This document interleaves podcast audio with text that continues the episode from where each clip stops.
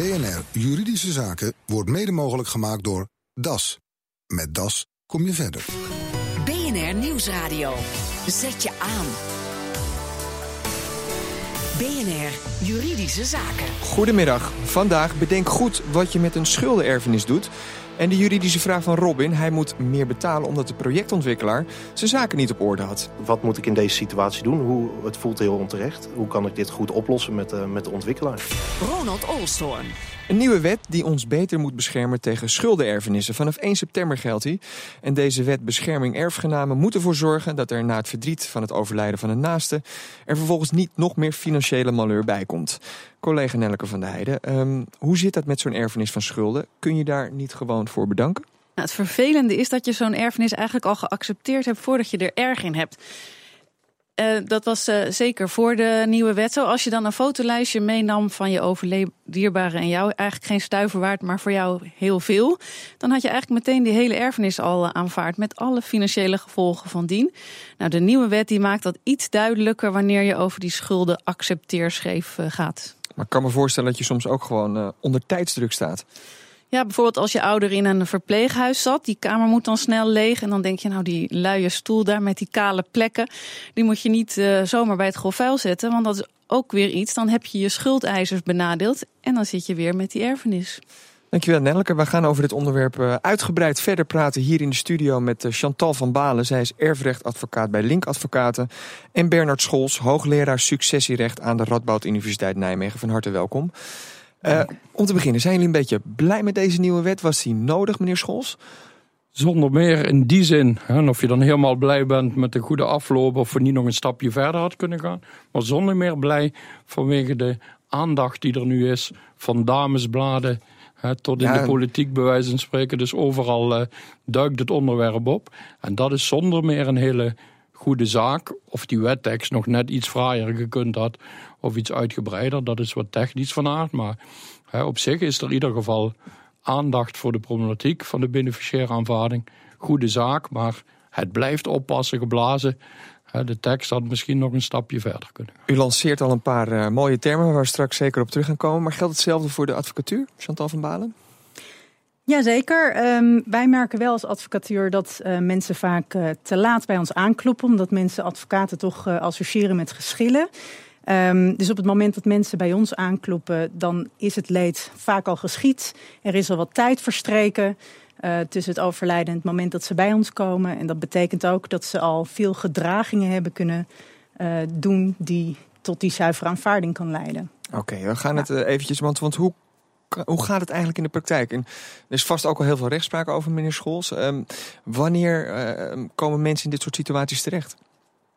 Ja, het begint met een overlijden. Er zal allereerst iemand moeten overlijden. Wil ja. je in de erfrechtelijke sferen terechtkomen?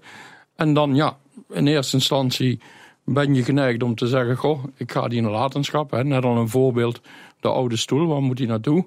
Hè, ik ga het huis leegruimen. Bij wijze van spreken, oh, daar ligt een pinpasje ja, dat kunnen we misschien gebruiken nu we de begrafenissen aan het regelen zijn, om al een hapje te eten. En dan rol je er eigenlijk in de problematiek zonder dat je het want, in de gaten dit hebt. zijn het voorbeelden het... uit de rechtspraak zelf ook. Da, da, dat heeft in de rechtspraak ja. uh, heeft dat gespeeld. En het speelt ook feitelijk natuurlijk vaker. Dus we gaan de uitvaart regelen. We betalen met de pinpas van de overleden moeder. Ja, een hapje in eten. En uh, het is gebeurd in ja. de zin van gedrag. Zij het dat de Hoge Raad uh, vorig jaar, mei 2015 ingegrepen heeft en gezegd heeft: Nou, een hapje eten op de dag dat je de begrafenis, de uitvaart aan het regelen bent. die ruimte is er nog wel. dus, uh, maar naar de letter, gedragen als erfgenaam, in de bankafschriften zitten, iets meenemen, klein schilderijtje, ja. klein aandenken, trouwringetje. En hop, je bent erfgenaam. En dan is er dus sprake van een zuivere aanvaarding. En dan kun je dat dus ook zuivere aanvaarding aansprakelijk ja. worden gehouden van de schulden van de ja. overledene. Uh, ja, en, en dan is het vaak uh, het leed, dat leed ook al niet te overzien. Precies, en als er een keurig lijstje zou hangen aan de muur van dit zijn de schulden van meneer Jansen. Nee, er komen vooral achteraf allerlei schulden boven water. Hè, waar meneer Jansen ook niet iedere dag erg in had. En vooral speelt het met stiefkinderen bijvoorbeeld. Dat er al een eerdere nalatenschap afgewikkeld is. Waarbij niet cash uitbetaald is, maar waar schulden zijn ontstaan van dat krijg je nog wel een keer op termijn. Dat geld krijg je bij mijn overlijden, verrekenen we dat wel. En opeens staat er een schuldeiser, lees stiefkind, Ja. hè, voor de deur. Van ja, jullie denken wel dat je drie ton geërfd hebt, maar willen jullie mijn vijf ton plus rente hè, uit de jaren tachtig ook nog eens even, Ja. even uitbetalen, bij wijze van spreken. En dat, dat komt vrij veel eh, voor. Dus in die samengestelde gezinnen van wie erft uiteindelijk en hè, waar staan nog schuldverhoudingen open uit het verleden. Goh, daar hadden we eigenlijk helemaal in de vermogensopstelling geen rekening mee gehouden. Opeens hup, is die schuldeiser. Oké, maar mevrouw Van Balen, nu is er dus die nieuwe wet. Ehm, belangrijkste verandering is misschien wel dat er eigenlijk minder snel sprake is van zo'n zuivere aanvaarding. Of- Hoe, hoe zit dat Ja. precies in zijn werk? Het is in ieder geval eh, nu, er is een duidelijker onderscheid eh, welke gedragingen tot zuiver aanvaarden eh, leiden. Er is nu in de wet dan uitgemaakt dat dat echt beschikkingshandelingen moet betreffen. Dus als je een goed verkoopt of als je het bezwaart met een pandrecht, hypotheek. dan is er nog steeds sprake van die zuivere aanvaarding. Maar wat je nu bijvoorbeeld wel kan, is eh, de inboedel van je moeder veiligstellen. door het op te slaan. Eh, een horloge in je eigen kluis bewaren. eh, dat, dat kan nu wel. Dat wordt niet meer direct. eh, Gewoon dingen die je natuurlijk eigenlijk vaak na een overlijden gewoon Ja. heel snel moet gaan regelen. Ja. Klopt. Ja, Ja. en daarom zei ik ook al eerder dat mensen vaak te laat ja, bij je aankloppen, omdat het leed dan vaak al is geschied. Want Maar, dat hoe, soort maar hoe krijg je dat voor elkaar eigenlijk als, als iemand overlijdt? Om toch, u zei het net eventjes ook al meneer Schols, om snel inzichtelijk te krijgen wat de financiële positie was. Heel erg moeilijk. En daarom is het zo belangrijk. Er staat geen termijn in de wet voor beneficiaire aanvaarding. Maar gelijk, hè, niet gelijk naar het restaurant. Nee, gelijk naar de griffie van de rechtbank. Om daar die verklaring van beneficiaire aanvaarding af te leggen. Dan ben je beschermd. En dan ga je op je gemak hè, eens rondkijken van... Goh, wat ligt hier nog allemaal aan schuldbekentenissen en noem maar op. En dan word je daarvoor beschermd, mits je het wel netjes afwikkelt. Hè. Je moet dan wel zorgen, de intentie is dat het geld uiteindelijk bij de schuldeisers Want komt. er is dus zoiets als de zuivere aanvaarding, maar ook zoiets als de beneficiaire Ja. aanvaarding. Ja. En dat betekent eigenlijk dat je je geen zorgen hoeft te maken. Of Ja, zeg ik ja, dat moet je eigenlijk zo snel. Geen zorgen is een groot woord, omdat je het wel netjes moet afwikkelen. Maar ten opzichte van zuivere aanvaarding, waarbij een faillissement bij wijze van spreken op de loer ligt, hè, is dat luxe, beneficiair aanvaarden, zo snel mogelijk. En dan ga je netjes eh, afwikkelen. En als er dan nog een schuld boven water komt, ja, dan ben je daar met je privévermogen. En hoe regel je dat, zo'n beneficiaire aanvaarding? Dat Dus- eh, kan je doen door een verklaring eh, bij de rechtbank eh, eh, in te dienen. En dat, eh, ja, die kosten daarvan eh, zijn beperkt. Ik meen dat het zo'n 120, 122 euro is. Ja, en dat weegt eigenlijk niet op tegen de risico's niks, die je Nee, loopt eh, hè, als je wordt geconfronteerd met aanzienlijke schulden. Maar waarom doet niet iedereen dat eigenlijk dan? Nou, mooier kun je het niet zeggen. Iedereen zou, het, iedereen zou het moeten doen. Ja. Iedereen zou het moeten. Tenzij je weer zegt, Kan ik dat Ik nu wil- ook al doen, bij wijze van spreken? Of moet er dan wel Die vraag eerst wordt iemand... vaak gesteld. Nee, er moet eerst iemand, zo zijn we ook vanmiddag begonnen. Ja. Eerst zal er iemand moeten Dat overlijden. En dan begint het. eh, Maar voor minderjarigen geldt het wel standaard, hè? Ja. In de wet staat wel, minderjarigen worden zonder meer beschermd en worden geacht beneficiair aanvaard te hebben. En wat zou het mooi geweest zijn als ook in de wet terechtgekomen was. Eigenlijk is iedereen minderjarig op erfrechtelijk gebied. Hè, dus voor het hele land geldt. waarom staat dat niet in de wet? Ja, men wilde Hebben ze dat niet goed naar politiek... geluisterd? Ja, dit is een tussenstapje, zie ik dit. Hè, misschien, Want u bent eh, toch wel een beetje de autoriteit eh, op dit gebied, hè? Ja, maar los daarvan, eh, nou, dat laat ik dan niet aan. Maar het is ook weer... Maar waarom, Als je zou, waarom, beneficiair waarom gaat de keuze... aanvaarden, zag de politiek wel... Ja, dan krijgen we misschien wat meer formaliteiten bij inspreken. Maar ik denk dat het in de praktijk... eh, formaliteiten. formaliteiten in de zin van... er moet een boedelbeschrijving opgemaakt worden. Maar in feite is dat alleen maar het in kaart brengen van wat is er. Nou ja, en ik denk ook dat uiteindelijk toch ook de positie van de schuldeisers eh en eh, het is ook een beetje toch? politiek van hè, kies je voor de schuldeisers. Hè, of kies je voor het informeel afwikkelen van nalatenschappen. Dus daar, hè, vergelijk het maar met een faillissement. Daar is een botsing tussen hè, belangen, ondernemer, schuldeisers. Zo is het in het erfrecht ook belangen, erfgenamen, belangen overledenen en belangen schuldeisers. En daarbinnen moet die politiek moet iets. En daarom dit is een stapje verder. Maar als het even gaat om het, eh, nou ja, zeg maar eventjes kort gezegd, het per ongeluk aanvaarden van een eh, nalatenschap. ehm, zijn deze wijzigingen wel voldoende wat u betreft, mevrouw Van Balen? Nou ja, ik ben het uh, wel met uh, meneer Scholz eens. Hè, dat zo'n beneficiaire aanvaarding is, uh, is gewoon het meest verstrekkende.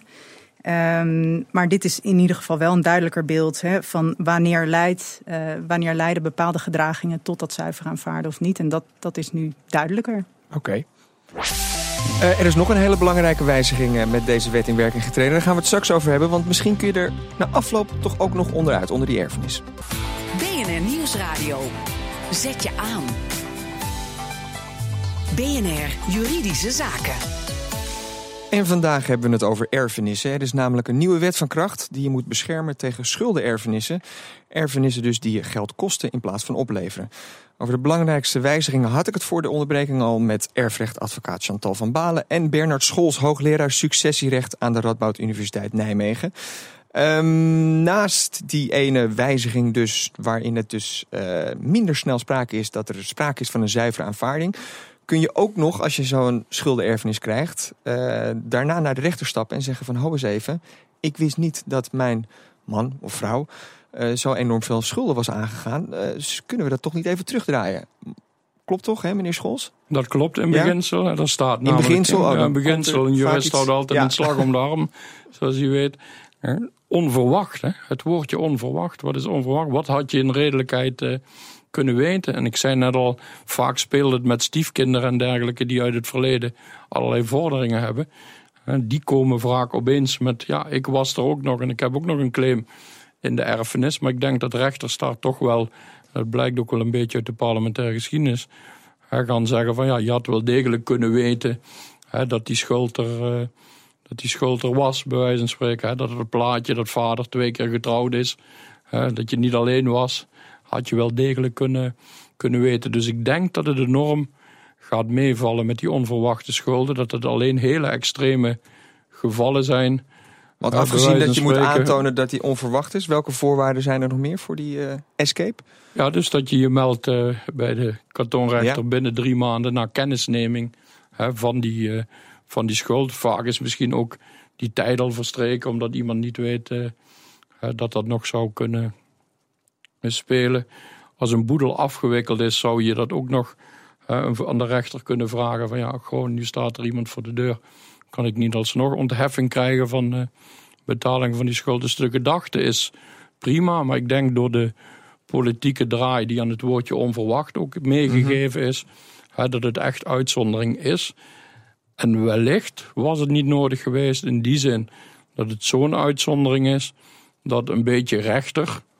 En in het zuiden is er een rechter geweest in Remond die inderdaad al voordat de regeling er was, een paar jaar geleden al gezegd heeft: in deze casus de redelijkheid en billijkheid zo onverwacht dat je dat nu niet in eh, de relatie in de familie, dat je dat nu niet kunt verhalen. Denk ik dat het allemaal wel ook dit, dit gedeelte van de nieuwe wet uh, mee gaat vallen. En dat we vooral moeten opletten. Even doen alsof de regeling er niet is. Gewoon hoofdregel, ben voorzichtig, beneficiair okay. aanvaarden. En ja, die regeltjes zijn meer voor achteraf om te kijken van... Uh, kunnen we misschien nog redden wat er te redden valt en een goede advocaat nou, dan gaan we naar die in de hand nemen en uh, met een mooi verhaal. Ja, wat, wat, wat, dus, wat moet de rol van de advocaat eigenlijk zijn als je het hebt, uh, misschien wel in zijn algemeenheid, over het, uh, het regelen van testamenten of dit soort situaties? Even kort ja. en dan misschien ja. de advocaat. Nou, het is jammer dat de advocaten nu aan het, in het eindtraject, het ruzie, hè, bij wijze van spreken, de brokken zijn al gemaakt. En dan komt de advocaat en gaan we ruzie maken, even zwart-wit gezegd. Eigenlijk zouden de advocaten nog meer de kennis die ze hebben op dit gebied van de, van de ruzies, om het zo maar te zeggen, naar de voorfase moeten brengen. Is dat al een ontwikkeling die gaande is, mevrouw Van Balen? Uh, nou, wat je in dat ieder u in geval... een eerder stadium wordt ingeschakeld? Ja, nou ja, je kan in ieder geval hè, met uh, alle partijen om tafel gaan zitten en uh, hè, kijken in een mediation setting, nalatenschapsmediation, dat, ja, dat je partijen tot een regeling hè, kan krijgen. Dus dat, dat is het. Maar wat meneer Scholz inderdaad bedoelt, um, hè, dat je als advocaat, als executeur, meer een executeurrol ja. krijgt, dat, dat zie ik in mijn eigen praktijk in ieder geval niet. Nee, dat is nu nog ja. niet zo. Maar daarom nee. zeg ik van, de advocaat wordt nu in het erfrecht ingezet voor de ruzie over en weer, ja, het geschil in de basis. En die know-how van hoe kun je geschillen wellicht voorkomen die zou je wat meer ook aan Want, de want we voorkant... hebben het natuurlijk vanmiddag als vooral over die schuldenerfenissen. Maar ik denk dat u vooral zaken doet waarin de erfgenamen uiteindelijk gewoon eh, ruzie over hoe de boel te verdelen. Ja, ja, ja, met name. En informatie verkrijgen. Eh, hè, de, de executeur doet zijn werk niet goed. Dat, eh, dat zijn echt inderdaad geschillen waar je dan, eh, waar je dan aan denkt. En, en wat is een hot topic op dit moment wat dat betreft? Wat, wat nog even afgezien van hè, die schulden waar we het al een beetje over gehad hebben. Waar zou de praktijk wat meer behoefte aan hebben? Hoe zou je het misschien bij leven al kunnen regelen, zodat de nabestaanden toch wat nou, makkelijker samen door één deur, deur kunnen? Ja, een heel hot topic is de executeur op dit moment. Hè, de vertrouwenspersoon. Van als ik er dadelijk niet meer ben, wie gaat dan alles voor mij regelen? En daar blijkt nu in de praktijk, ik denk, kijk ook weer naar de advocaten. Hè, van eh, veel amateurs lopen rond in die functie van executeur en kunnen dat eigenlijk niet aan. En dan heb je de poppen aan het dansen. Dus een, Want dat vraag je aan je buurvrouw bijvoorbeeld. of, eh, Bijvoorbeeld je buurvrouw. En ja, dat moet een professional zijn. Dat moet die accountant, dat moet die notaris, dat moet je advocaat. Eh, als het ergens om gaat, uiteraard kun je dan veel voorkomen. Of een combinatie met iemand uit de familie en een jurist. eh, dat zou ideaal eh, zijn. of een Ja. econoom, manager, weet ik wat allemaal. eh. Ja. Eh, dus eigenlijk een regelneef, vertrouwenspersoon, regelneef. En daar zou je van tevoren al dit soort problemen mee moeten bespreken. En dan hangt dat lijstje wel aan de muur van... hè, dit is het eh, dossiertje is al klaar voordat ik eh Ja, ja. spreken. Dat heeft het ook. En verder leidt tegenwoordig denk ik ook het feit, waar het al even over, eh, dat er meer sprake is van samengestelde gezinnen dan, laten we zeggen, in 1800. ja, Eh, zeker. leidt tot meer, meer aanspraken en dus meer gedoe. Ja. Ja. Ja, en het gaat vaak natuurlijk ook om erkenning. hè. Het gaat vaak niet Precies. eens eh, zozeer om het geld, maar eh, meer om het principe. Eh, hè, als jij, jouw vader of moeder voor de tweede keer is getrouwd, eh, nieuwe vrouw, nieuwe kind, tweede, tweede leg erbij. Ja, dan, eh, dan heb je als, eh, als kind uit het eerste huwelijk wel eh, vaak het nakijken. En dat is heel eh, moeilijk te verteren. Als we nog even terug weer gaan naar die schuldenerfenissen, kun je eigenlijk al in je eigen testament een soort van waarschuwing geven van jongens, let goed op. Misschien dat ik ergens toch een bepaalde ja, zakelijke eh, overeenkomst ben aangegaan, waardoor we wel eens eentje wel, wel eens in het rood kunnen belanden.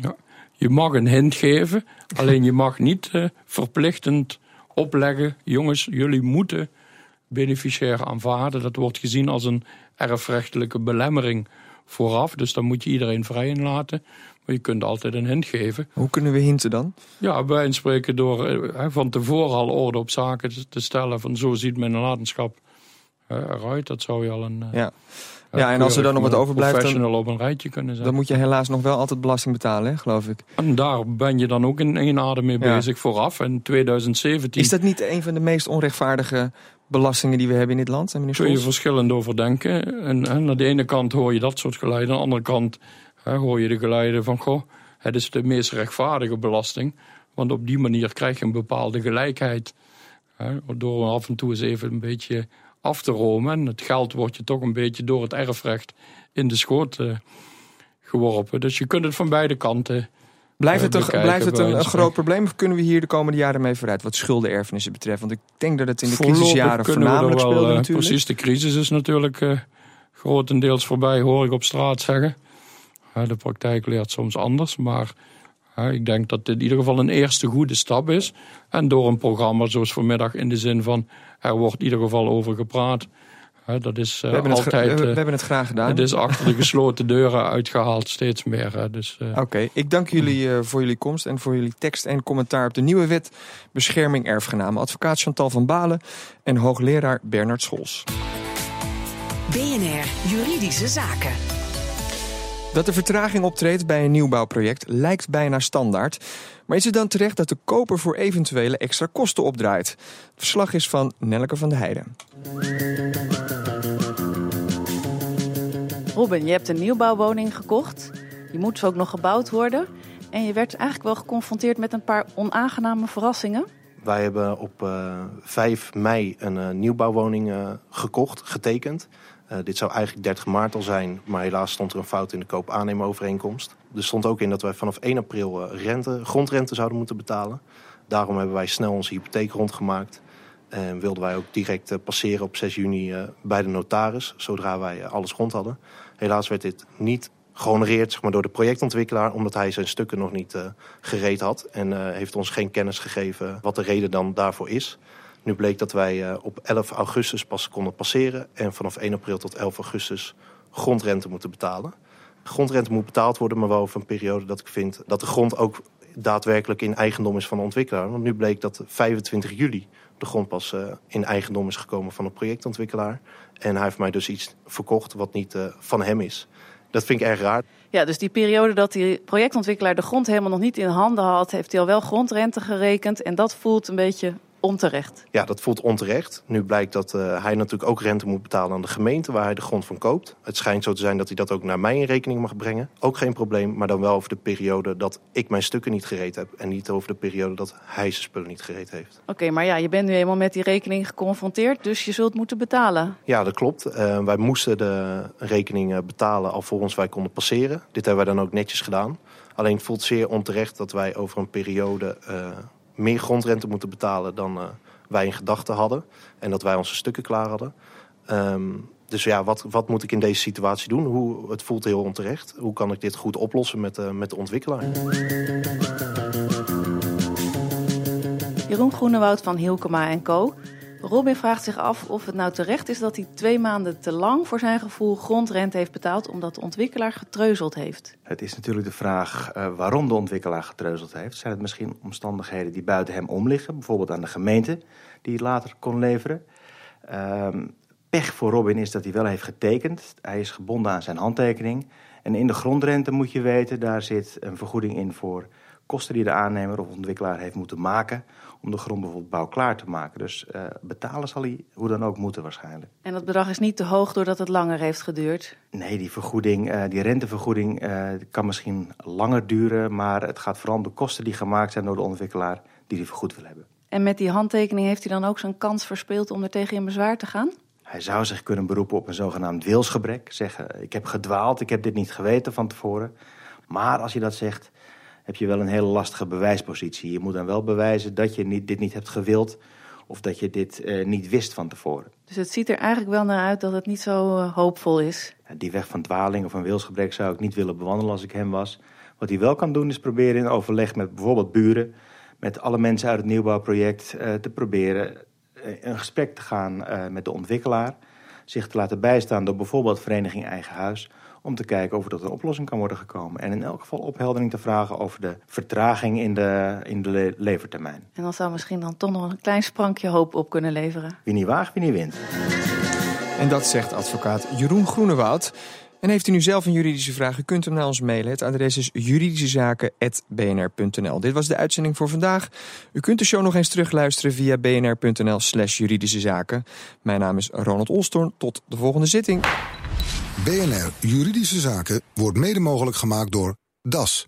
Met DAS kom je verder.